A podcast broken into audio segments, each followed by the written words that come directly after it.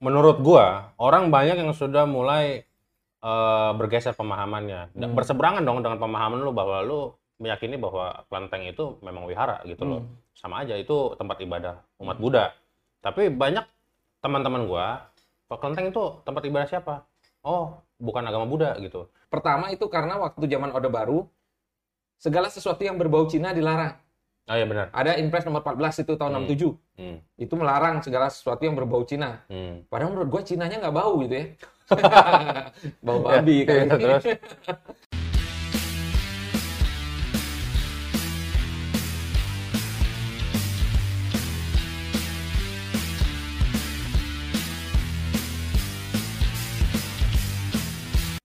Oke guys, jadi kali ini kita kedatangan Ko Edi lagi. Jadi tapi pembahasannya akan sedikit serius ya, yaitu mengenai Kemarin Ah. juga serius itu. kemarin juga serius ya. Serius itu soal hidup kan.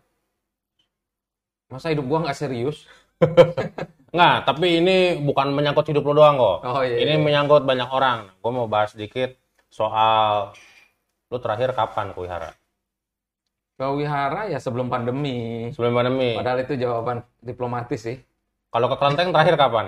Oh, sembahyang cap go. Ya itu eh, pas pandemi masih ke Kelenteng sih di Cilengsi sana. Nah, jadi lu sembayangnya itu campur dong, wihara dan kelenteng. Sebetulnya kan wihara sama Kelenteng sama aja. Nah, Hanya bahas beda bahasa aja itu kan. nah, nah ini gue gua mau ada pertanyaan serius nih. Karena selama ini mindset orang itu wihara dan kelenteng itu berbeda. Hmm. Nah, tapi lu sembayang di dua-duanya. Hmm. Nah, ini bagaimana nih? Hmm. Gue pengen tahu. Ya, kalau jadi begini, orang sering salah paham ya soal kelenteng ini menurut gua. Hmm. Nah, mereka bilang itu bukan wihara, padahal istilah kelenteng sendiri kan hanya ada di Indonesia. Hmm. Coba lu ke Cina sana atau ke, ke Jepang atau ke Thailand, Singapura, ada nggak namanya kelenteng? Nggak ada. adanya kuil, Ya, kuil pun bahasa Indonesia ya. eh, temple, Ya, semua disebut temple. Ya. Sama. Candi temple. ya, Itu juga temple, semua temple. ya. Tapi eh, ya tentu mereka masih pakai bahasa Mandarinnya. Misal yang di kayak di Glodok tuh, Hmm. Cinta Yen. Nah, Mereka pakai tetap nama aslinya kan. Tidak pakai kelenteng gitu. Iya. Demikian juga misalnya Tuasebio, Buntek Bio, Bontek Bio Iya. atau yang lain-lain. Tetap namanya begitu tanpa ada embel-embel kelenteng di depannya. Nah, Istilah kelenteng ini khas Jawa ya menurut gue ya. Hmm. Jadi eh, dia adalah proses penyesuaian fonetik dari Kwan Im Teng. hmm, Jadi asal usulnya jelas Buddhis gitu. hmm, Kwan Im Teng. Kwan Im dari mana? Kwan Im adalah terjemahan dari Awalokiteswara. hmm, Kenapa Awalokiteswara yang banyak dipuja oleh orang Ti- Tiongkok? hmm, Itu ada sebabnya. Pertama, orang India sendiri pada saat mereka melakukan pelayaran-pelayaran ke jarak jauh, hmm, itu ada penelitiannya, ada kajian tentang temuan-temuan arkeologis di sepanjang jalur India Asia Tenggara. hmm, Apa yang ditemukan? Bahwa dewata perlindung pelayaran, dewata pelindung pelayaran orang-orang India kuno itu adalah Buddha Dipangkara, Awalokiteswara, Tara. hmm, Itu yang ditemukan secara arkeologis.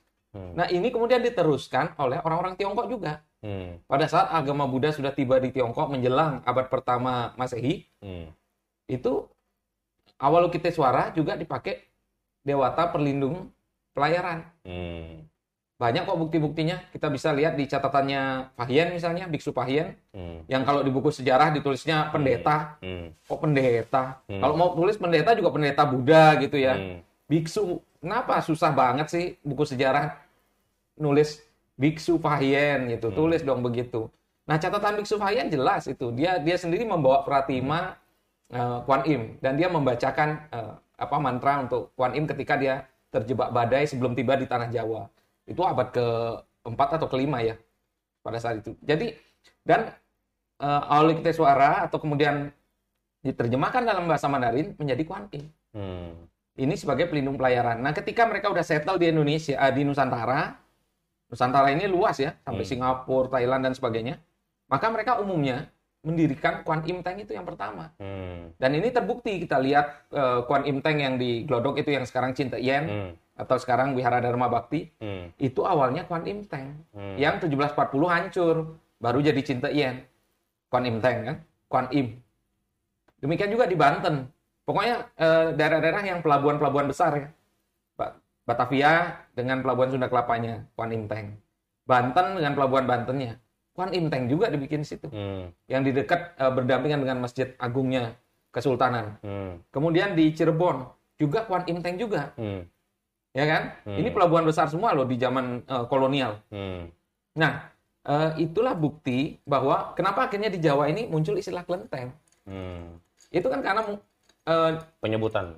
karena penyebutan Hmm. fonetiknya didengar oleh orang Jawa, Kuan Im Teng itu kelenteng kedengarannya gitu. Hmm. Walaupun ada teori yang menyebut juga bahwa eh, itu karena ada bunyi-bunyian teng teng teng teng dari eh, aktivitas ibadah. Itu pun terkait Buddhis juga. Buddhis Mahayana kalau ibadah kan pakai berbagai peralatan kan, Hmm. yang bunyinya di antaranya itu teng.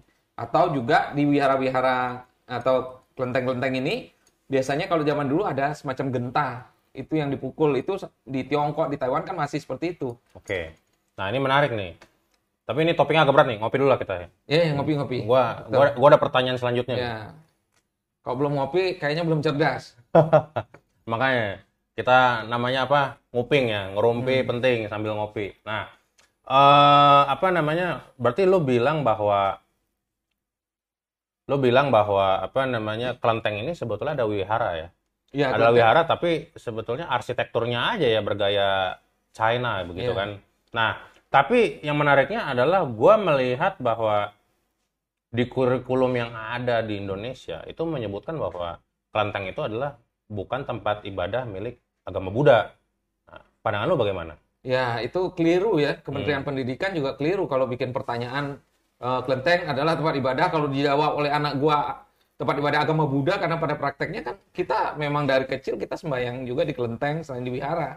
Hmm. Ya memang jadi kelenteng adalah wiharanya orang Tionghoa. Hmm.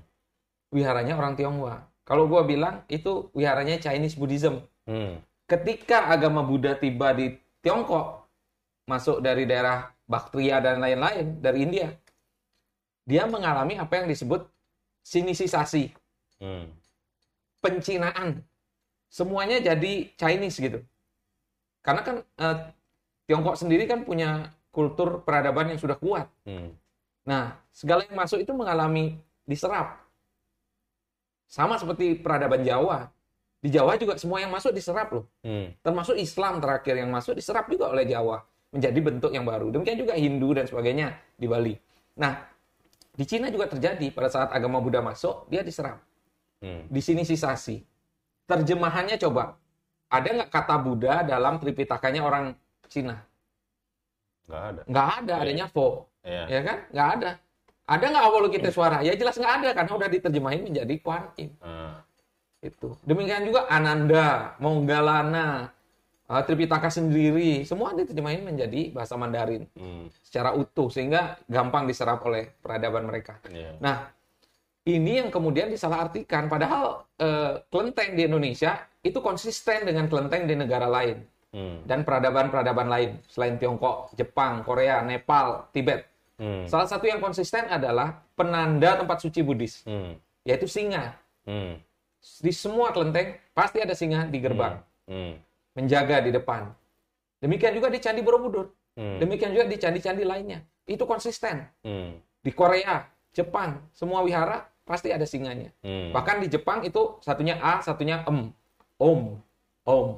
Hmm. Itu. Di Jepang sampai begitu. Kalau di kita dua-duanya terbuka. Tinggal lihat sebenarnya yang cowok pegang bola, yang cewek pegang anak.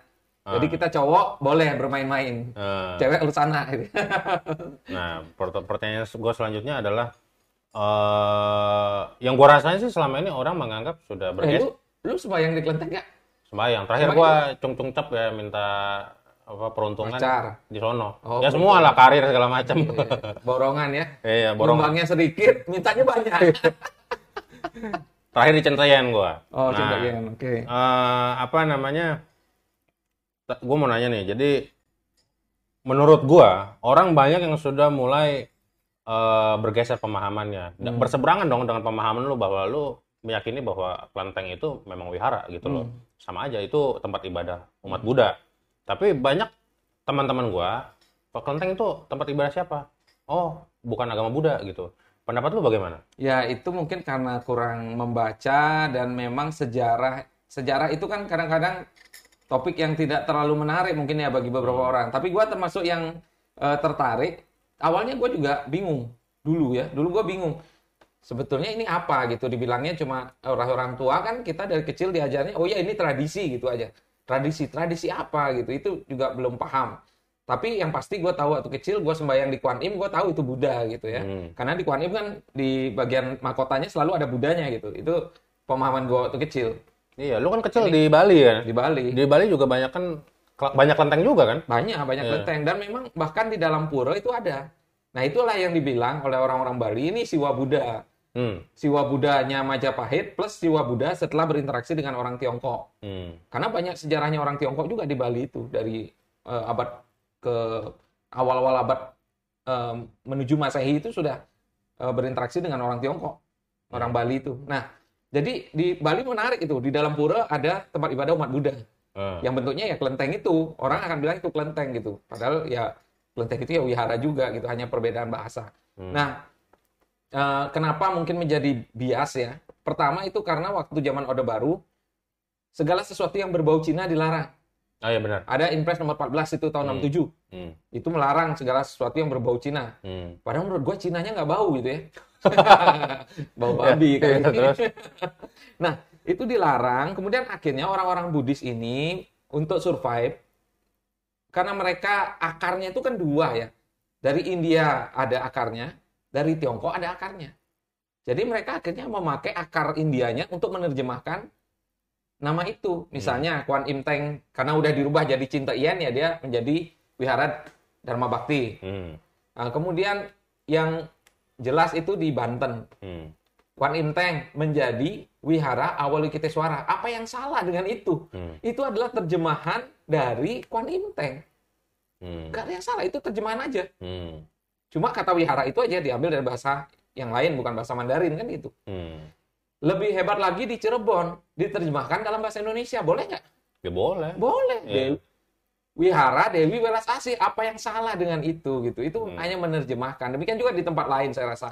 Eh, saya eh, tapi ada beberapa juga yang nggak berubah ya zaman Pak Harto itu ada misalnya TKC yang di Semarang Tahu. pernah ya pernah sembahyang sana Pernah. nah TKC di Semarang itu nggak berubah namanya Ya. tapi akhiran si dari TKC itu jelas itu dari Shaolin itu Hmm. jejaringnya Shaolin yang Hmm. membangun biasanya mereka selalu si belakangnya Hmm. itu Ya benar itu di dalamnya ada patung Buddha. nah iya Iya. memang dan awal kita suara juga kan Tapi di luarnya ada patung Cheng Ho kalau nggak salah. Bener nggak? Ya, betul. Iya. Nah, Cheng Ho juga itu kan kenapa namanya Sampokong padahal kita gua dulu waktu kecil pernah ke Semarang sembahyang, gua bingung. Loh, gua kita kan sembahyangnya Sampokong.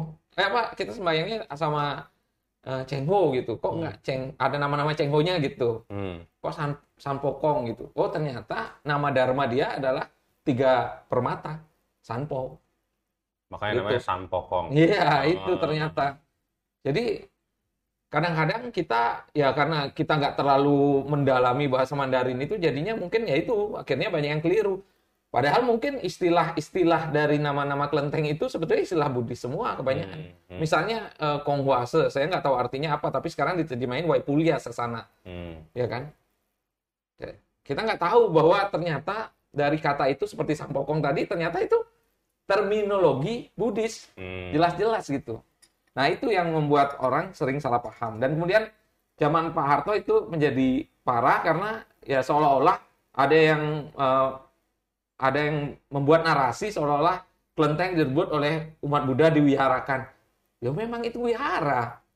Siapa yang bilang Cinta Ian yang di petak 9 bukan wihara? Hmm. Lah, Ong penelitiannya eh, siapa Salmon dan eh, Claudine Salmon dan Lombard Hmm. itu terhadap kelenteng-kelenteng di Jawa. Hmm. Itu beberapa ditemukan eh, prasasti yang di, di dalam kelenteng itu. Misalnya Cinta Ian, di sana ada cerita tentang 18 biksu yang tinggal di situ. Hmm. Kemudian waktu Asin Jinara kita, Te Bon An menjadi biksu, Samanera dulu, menjadi Samanera Hmm. di Konghuase yang di Mangga Besar. itu disaksikan salah satunya oleh biksu kepala dari Wan Im Teng, Hmm. dari Cinta Ian. Hmm. Itu. Jadi sampai menuju Indonesia merdeka itu masih ada biksu-biksu itu di wihara wihara tersebut. Dan di Dewi Welas Asih, wihara Dewi Welas Asih yang Cirebon, itu ditemukan prasasti bahwa wihara Dewi Welas Asih ini yang waktu itu masih namanya Kuan Im Teng, itu adalah pusat penyebaran agama Buddha untuk daerah Jawa Barat. Hmm. Terus mau gimana lagi? Hmm. Oke. Terus pertanyaan gue begini. Di tahun ini ada isu yang cukup eh, menggaung ya. Ada sebuah kelenteng ya di Tuban, di Jawa Timur ya. Hmm. Itu eh, apa ya namanya? Yang ada patung Oh, Kuan besar, patung Kuan Kong besar ya. di situ di mana Sing Bio ya kalau saya Kuan Sing Bio ya. Nah, di situ kemarin ada masuk dibuat di berita kurang mengenakan di mana gerbang pintu dari kelenteng tersebut digembok sehingga orang mau beribadah tidak bisa.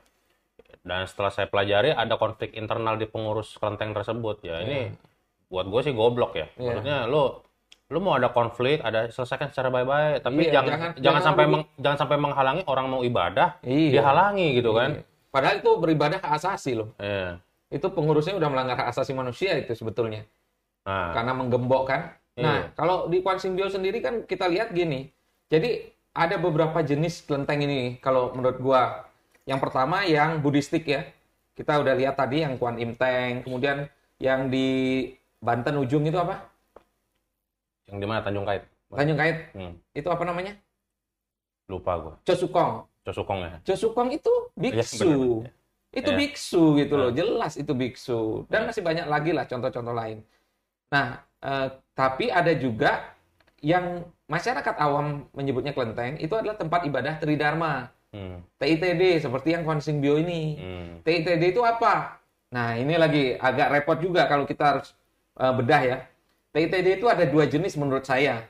Ya, saya belum meneliti lebih jauh, tapi saya lihat ada dua jenis. Yang di daerah Jakarta dan sekitarnya, Jawa Barat dan seterusnya.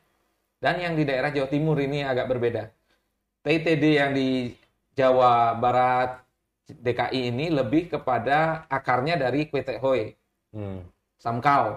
hmm, Mereka punya altar, ada Buddha, Konghucu, dan Tao. Jadi satu dalam satu altar punya tata cara ibadah tersendiri yang di dalamnya ada mantra Buddhisnya, ada eh, kemudian ada eh, Tao-nya gitu. Kemudian dalam ceramah mereka sering mengajarkan ajaran Konghucu juga. Jadi jadi satu. Tapi karena agama Tao ini di sini tidak diakui, ya yang ada sekarang ya Buddha dan Konghucu di dalam Tridharma itu. hmm, Walaupun tetap Tao-nya dipraktekkan. Walaupun secara KTP nggak ada gitu ya. Nah, kalau di Jawa Timur ini eh, agak berbeda. Di dalam misalnya Kuan Sing Bio itu, hmm, saya beberapa kali ke sana sembahyang, itu ada litangnya di dalam. Litang itu tempat ibadahnya umat Konghucu. hmm, Litang. Kemudian ada juga semacam dharmasalanya, hmm, tapi yang samkau hmm, di situ sebelah kiri. Nah, kemudian eh, jadi TITD di Jawa Timur itu agak berbeda dengan Tridharma di DKI Jakarta, Jawa Barat dan sekitarnya itu. Itu Hmm. agak berbeda karena misalnya di Malang ya, ada En Angkyong namanya kelenteng. Saya dulu sering ke sana karena kuliahnya di Malang. Itu di paling kanan itu adalah litangnya, tempat pemujaan ke Konghucu, tempat beribadahnya umat Konghucu. Di tengah-tengah itu dewa-dewa Hmm. sampai ke belakang. hmm, Di paling kiri itu adalah Dharmasala hmm, untuk umat Buddha. Jadi sepertinya di Jawa Timur eh, ada kompartemen-kompartemen untuk tiap-tiap eh, agama ini. Hmm. Konghucu, Buddha, tengahnya tahu. Tapi kalau di Jawa Barat, DKI itu dia jadi satu tridharmanya. Hmm. Satu altar, satu tata cara ibadah. hmm, Gitu. Itu sepertinya eh, perbedaannya. Tapi kalau orang dari luar lihat semuanya itu akan disebut kelenteng. hmm, Ada yang buddhistik, ada yang taoistik, tergantung dewanya. Kita harus lihat dewa-dewanya juga kan gitu. Kalau dewa-dewanya ada misalnya eh, 18 arahat itu kan, hmm, walaupun dalam bahasa Mandarin tentunya, ya itu udah pasti Buddhis. Hmm. Ya gitu kan. Ada Kuan Im-nya pasti Buddhis itu. hmm, Karena kalau di Konghucu kan nggak ada Kuan Im-nya gitu, Hmm. yang pasti. Kalau Tao dia masih ber- eh, ter- agak apa beririsan dengan Buddhis juga gitu. hmm, Uh, walaupun Tao sendiri punya dewa-dewa tersendiri itu. Dan uh, menurut Claudine itu pengaruh Tao itu munculnya belakangan di Indonesia. hmm, Jadi yang pertama masuk pengaruh Buddhisnya ini, kelenteng dengan warna Buddhistik. Baru pengaruh Tao masuk belakangan. Dan Konghucu sendiri yang terakhir tahun 1900-an baru gagasan untuk mendirikan apa membentuk Konghucu sebagai agama itu tahun 1900.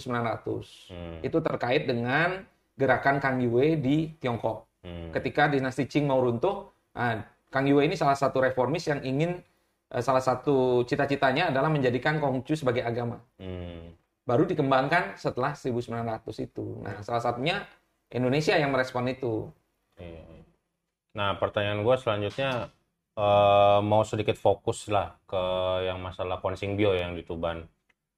Eh, dengan adanya wihara atau kelenteng digembok seperti itu tentu kan prihatin ya. Pandangan lo atau pesan lo bagaimana? Ya, kalau menurut gua sih apa pun konflik yang terjadi Hmm. eh, di misalnya kalau di Kwan Sing Bio ini kan TITD ya, tempat ibadah Tridharma, Hmm. ya kan? Eh, dia mungkin bukan wihara, Hmm. tapi di dalamnya ada litang, ada untuk tiga agama lah gitu. TITD, tempat ibadah Tridharma, Hmm. Tiga ajaran. tiga ajaran. Hmm. Nah, eh, apa pun yang terjadi di dalam sebuah tempat ibadah tidak seharusnya menghalangi umat untuk beribadah. Apa gunanya sih pengurus? Iya. Kalau nggak untuk memfasilitasi umat bisa beribadah dengan nyaman, dengan damai, kan? Ini malah ngalang-ngalangin. ini malah menghalang-halangi. Iya. Kan artinya, ya Dan harus harus introspeksi diri lah itu pengurus-pengurus yang seperti itu. balik ke tahun 2017 ya, waktu gue masih aktif di Hikmah Budi ya. 2017 apa 2016 gitu. Itu kalau nggak salah Konsing Bio ini 16 kayaknya. waktu, Yang waktu di patung Kuan Kong ditutupi ya. Ya ditutupi kain, pu- Iya. kain putih. Jadi eh, ya empat tahun yang lalu lah kira-kira ya gue lupa. Nah, waktu itu gue masih menjabat sebagai ketua cab- salah satu cabang di Hikmah Budi ya. Di mana gue prihatin ada begitu banyak ormas. Kalau menurut gue itu ormas bayaran gitu loh. Ya. mereka bikin petisi untuk uh, merobohkan patung tersebut karena di situ di, di petisinya dituliskan bahwa itu patung uh, jenderal dewa Perang. Cina perang yang sangat angkuh gitu loh. Jadi harus dirobohkan begitu kan. Nah, uh, gue waktu itu bergerak gitu loh. Ini bisa merusak uh, persatuan kita Ya. karena bukan masalah ini patung dewanya atau apanya, tapi kalau ini di- dirobohkan, ini juga indikasi dari dimulai hancurnya dari Toleransi. eh, toleransi yang ada di Iya. Indonesia. Jadi waktu itu gue bikin petisi tandingan waktu itu. Cek aja di change.org. Ada petisi dari aduh, dari ormas dari karena ini pembahasannya serius nih. Ya, ini ini soalnya Kong nih ngamuk nih kayaknya.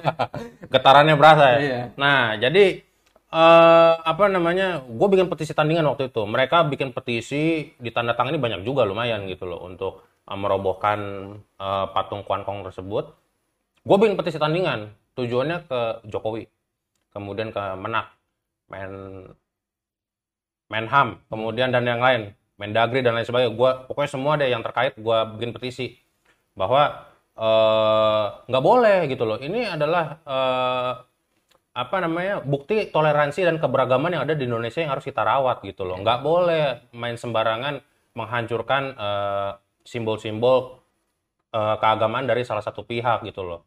Dan akhirnya banyak yang mendukung petisi kita ya waktu itu tiga kali lipat. Tidak hanya umat Buddha ya. Dan nggak nggak nyomot Iya, Buddha loh, banyak yang betul. mendukung dan akhirnya dimuat di segala media masif dan akhirnya nggak jadi. Awalnya tadinya mau dirobohin terus ditutup kain putih, dibuka akhirnya. Akhirnya ya. Yakin aja. Waktu Iya. itu gue bikin petisi juga banyak diteror juga gue karena kan lumayan menggaung ya sampai Iya. dari Intel segala macam eh, ngancem segala macam. Tapi bodo amat ini kan demi toleransi dan keberagaman Indonesia kenapa enggak gitu kan. Iya. Tapi sayangnya akhirnya roboh juga kan. Hmm. Roboh sendiri. Roboh sendiri sayang juga sih Iya. tapi ya mungkin itu ada apa ya mungkin karena kecewa atau bagaimana ya Iya, karena ada betul. konflik di pengurus tersebut sehingga ya gue ngerasa mungkin apa perjuangan gue dulu jadi sia-sia atau gimana Hmm. Enggak juga sebetulnya sih. Iya. Ya mungkin dengan robohnya eh, Kongco, patung Kongco di situ ya harusnya itu bahan introspeksinya pengurus sih. Hmm. Kenapa mereka jadi seperti itu gitu? Kenapa ada kejadian seperti itu kan gitu? Dan eh, menurut gua memang ketika itu kan ada juga pernyataan sikap dari pemuda Konghucu ya ketika itu ya yang eh, keberatan memang terhadap sebetulnya eh, mereka menyatakan bahwa patung untuk membuat patung-patung besar seperti itu bukan bukan tradisinya Konghucu. Hmm. Nah itu memang mungkin betul. Karena itu tradisinya Buddhis sih kebanyakan kalau Hmm. buat patung besar-besar itu. Dari zaman sekian abad kesekian itu di Tiongkok sampai sekarang kan peninggalan-peninggalan patung besar itu pada umumnya kan memang dari uh, Buddhis ya. Hmm. Itu itu memang tradisinya dari dulu membuat di gua ukiran dan sebagainya. Yeah. Itu itu uh, memang tradisinya Buddhis salah satunya. Hmm. Ya tentu uh, kita harus bijak lah ya melihat persoalan-persoalan seperti di Tuban itu. Tapi yang pasti ya itu tadi namanya pengurus adalah memfasilitasi, bukan pemilik tempat ibadah. Hmm. Nggak ada yang memiliki, yang pemilik ya umat gitu kan. Hmm. Gitu. Betul. Jadi pemilik adalah umat dan tidak seharusnya kalaupun apa pun konfliknya tidak boleh digembok gitu. Hmm. Itu. Oke, jadi intinya kita berharap lah ya semoga masalah yang di Tuban ini segera kelar. Nah, sudah uh, kelar sih terakhir kan? Sudah damai katanya. Sudah damai ya? Sudah dibuka lagi, sembayang lagi, udah bebas. Ya, jangan sampai nanti ada konflik main gembok lagi kan. jangan. Iya, jangan sampai begitu lagi. Nah, uh, eh, gue mau tarik ulur lagi keluar soal masalah kelenteng ini. Artinya kelenteng ini arsitektur Cina ya. Tapi kan wihara berarsitektur China ya, ya kan. Nah, Uh, kemudian makanya kalau gua gue sebetulnya dulu budayana ya yang hmm. lebih ke arah Theravada. Makanya sebetulnya mungkin wiharanya agak lebih ke Thailand Thailand begitu ya. Hmm. Nah, itu pengaruh belakangan. Belakangan ya justru ya. Ya, itu belakangan. Karena hmm. awalnya justru semuanya orang Tionghoa ini uh, arsitektur wiharanya ya Tiongkok itu. Kelenteng. Kelenteng disebut orang orang sekarang Kuan Im Teng kan. Hmm. Nah, tapi ketika unsur Tao ini datang belakangan, hmm. dia juga bergabung di wihara Chinese Buddhism ini. Hmm. Diberi ruang di situ karena hmm. tidak ada masalah bagi umat Buddha dengan umat Tao. Hmm. Bisa uh, sembahyang bareng-bareng, jangan kan umat Buddha sama umat Tao. Gua yang umat Buddha sama temen gua yang Hindu aja bisa sembahyang kok. Hmm. Gua bisa sembahyang ke pura, dia gua ajak ke kelenteng waktu hmm. kecil. Rame-rame sembahyang. Jadi hmm. Uh, Tao dan Buddhis juga demikian gitu bisa bersama-sama apalagi di tanah perantauan lah istilahnya zaman itu kan jadi mereka belum punya tempat ya dikasih tempat di wihara Chinese Buddhism ini sehingga ada dewa dewa-dewa atau bodhisatwa yang buddhistik, ada juga yang taoistik dalam satu tempat. Atau ada juga yang belakangan yang unsur Tao membangun sendiri. Tapi karena arsitekturnya sama-sama Tiongkok, semua orang nyebutnya kelenteng aja tanpa membedakan. Hmm. Karena e, kalau yang awam sulit membedakan itu. Nah, setelah 1900 seperti saya cerita tadi, e, Kang Yue di Tiongkok memulai movementnya untuk mempertahankan dinasti Qing salah satunya dengan menjadikan Konghucu sebagai agama. Hmm. Ide ini di dinasti Qing itu kan dinasti terakhir yang dinasti, ada di Tiongkok ya, kan. The Last Emperor itu yeah. filmnya kan. Yeah. Nah, itu ketika tiba di Nusantara ini yang merespon salah satunya komunitas Tionghoa di Batavia. Hmm. Mulailah uh, mereka um, menjalankan gagasan ini. Tapi yang merespon paling cepat itu Surabaya. Hmm. 1906 uh, kelenteng dewa kebudayaan diganti menjadi uh, Wen Miao. Hmm. Itu adalah litangnya Konghucu lah. Hmm. Khusus Konghucu dan murid-muridnya ada pernah ke sana nggak? Belum sih. Saya pernah sembahyang ke sana. Hmm. Itu. Jadi ada Nabi Konghucu di depan, kemudian ada beberapa tablet-tablet uh, untuk penghormatan murid-muridnya. Hmm. Jadi hanya ada itu, tidak ada patung dewa-dewa dan lain-lain dan sebagainya nggak ada. Tapi memang arsitekturnya mirip sekali, hmm. karena sama-sama Tiongkok ya. Walaupun uh, agak perbedaannya gini, kalau yang Wen Miao ini dia lebih simpel, hmm. sederhana, elegan gitu. Kalau yang Tao dan Buddhis biasanya lebih semarak. Jadi kalau yang litang ada itu ikonografinya gitu. Yang litang itu nggak ada patung dewa gitu ya harus ya. harusnya ya. ya. Tapi kalau kelenteng itu justru banyak dewa-dewa. Banyak dewa-dewanya ah. gitu. Kalau saya lihat di Surabaya nggak ada. Hmm. Hmm. Oh itu yang namanya litang itu. Litang, itu yang benar ya. ya. Di Bali juga saya pernah ikut kebaktian di Bali, di hmm. litang yang di Bali. Saya pernah juga nggak ada dewa-dewanya. Hanya ada uh, Konghucu, kita kebaktian di situ, uh, sudah selesai gitu kan. Hmm. Ada bangku-bangku. Hmm. Pada umumnya begitu ya, ada bangku-bangku untuk kebaktian. Hmm. Nah, uh, kalau candi bagaimana? Ya kalau candi kan itu peninggalan dari zaman-zaman kerajaan ya, mm-hmm. ya zaman-zaman kerajaan. Tapi yang konsisten yaitu di baik di kelenteng maupun di candi mm. itu ada simbol yang konsisten dari agama Buddha yaitu patung singa. Mm.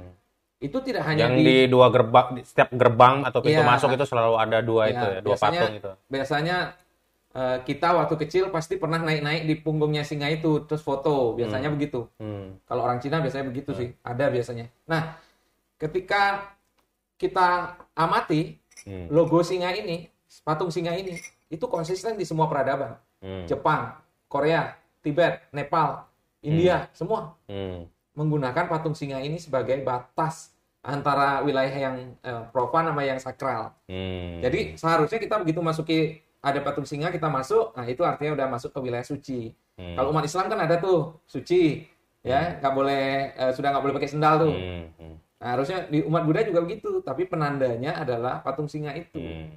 Itu konsisten loh di Jepang, Korea, sebut saja semua negara Buddhis, Bhutan, Tibet, semua, Hmm.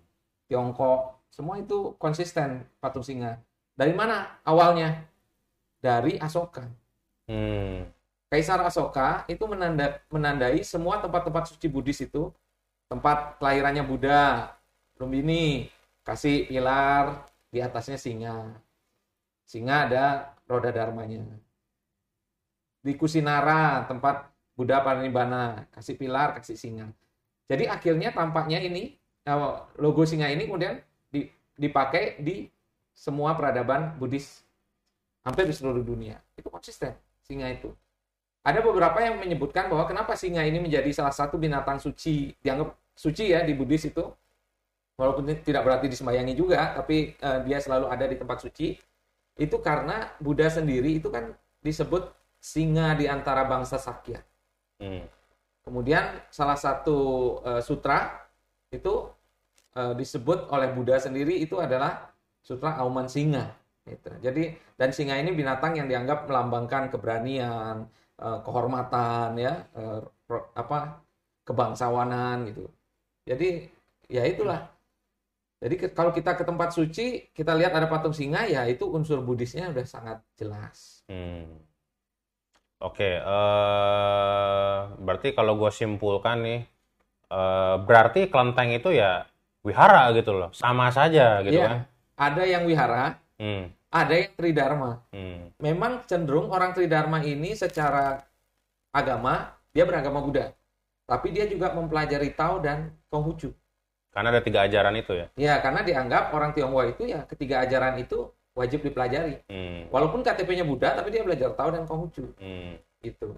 Seperti saya, saya belajar juga Konghucu. Saya Hmm. saya mempelajari juga Tao gitu. Walaupun saya tidak ikut Tridharmanya, tapi saya mempelajari karena saya anggap oh ini filosofi yang menarik, yang apa ajarannya bagus gitu untuk kita uh, hidup sebagai manusia gitu ya, Hmm. saling melengkapi dengan agama Buddha. gitu. Hmm. Seperti itu.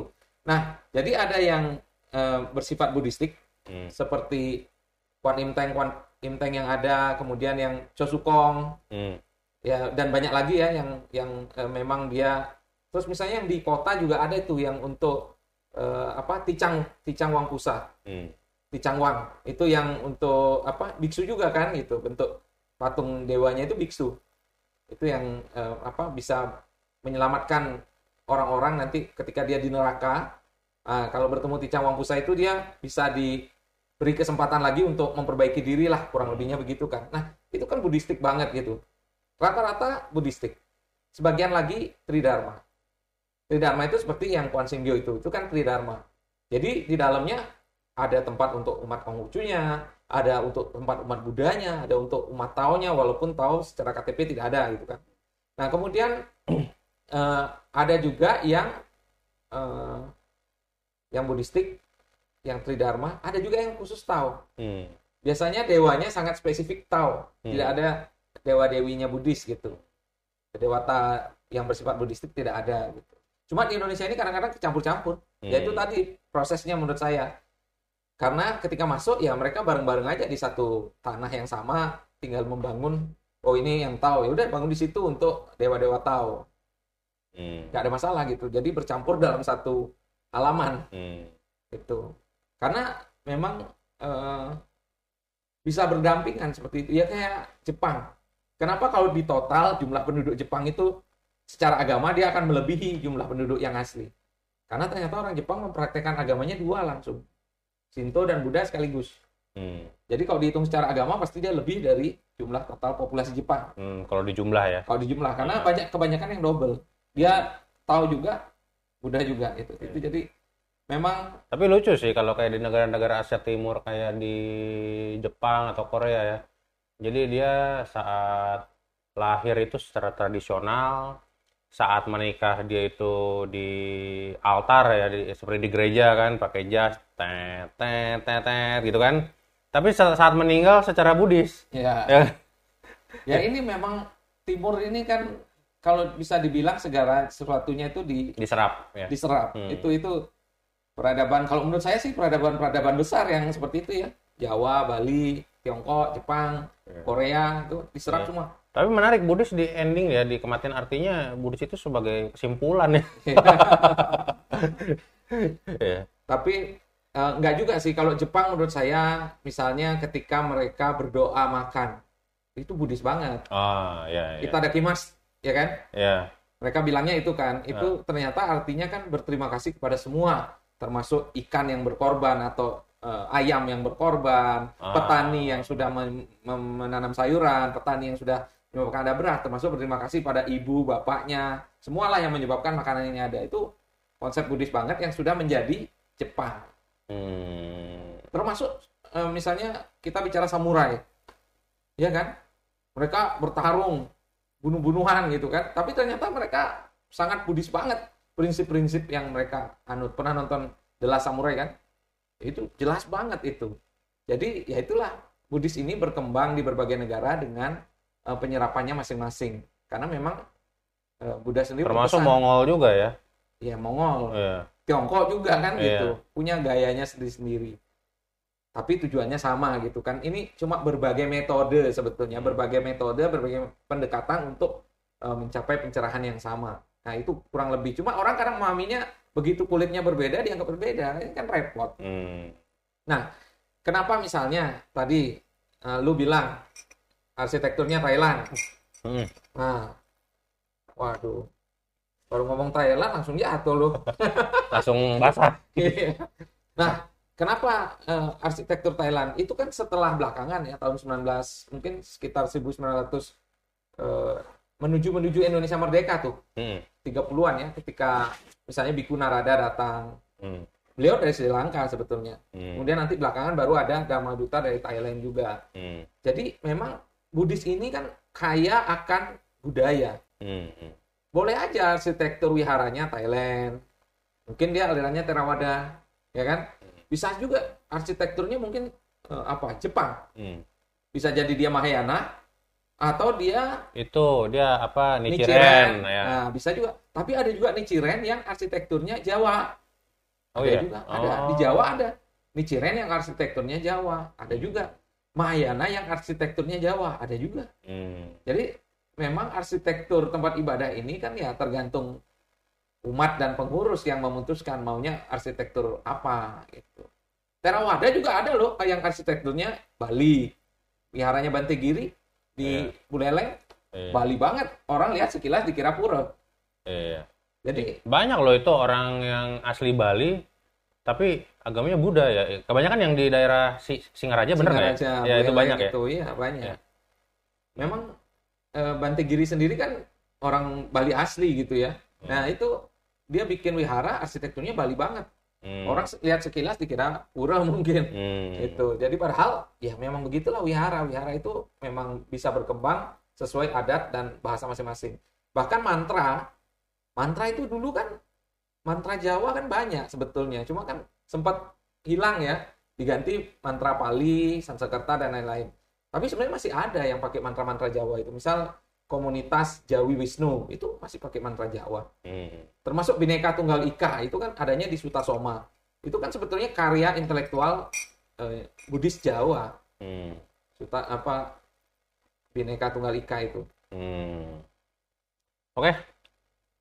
Udah panjang ya eh, Oh. pembahasannya nih soal baru Iya. satu topik aja nih kelenteng ya, tapi Iya. ternyata penjabarannya banyak banget tapi kesimpulannya hanya satu ya. Jadi eh selama ini mungkin banyak orang yang merasa bahwa eh, kelenteng itu berbeda dengan wihara, tapi sebetulnya eh berdasarkan pendapat dari Bro Edi ya bahwa sebetulnya kelenteng itu adalah eh, penyerapan dari penyebutan ya yang di mana dulu sebetulnya adalah Kuan Im Teng yang merupakan eh, wihara dengan arsitektur China. Jadi eh, semoga untuk mungkin ada yang berpandangan bahwa kelenteng ini mungkin eh, berbeda dengan wihara, tapi sebetulnya itu sama. Jadi semoga persepsinya bisa eh, dikembalikan lah bahwa sebetulnya itu juga bisa digunakan sebagai tempat peribadatan umat Buddha begitu. Ya, Oke. Betul. Terima kasih. Oke, thank you semua. Ini di sini ya. Bisa ya. Suaranya oke nggak? Oh, baterai. Mau ganti baterai. No back, ya. Gitu. Berarti ini energinya luar biasa ya sampai baterainya aja terkuras nih. Dia punya daya listriknya nih. Tapi tadi kita ngomong soal ini, ini jatuh. Ini juga goyang meja. Sekarang habis baterainya. Energinya nih. Iya. Emang dewa perang en- en- energinya ya. Iya.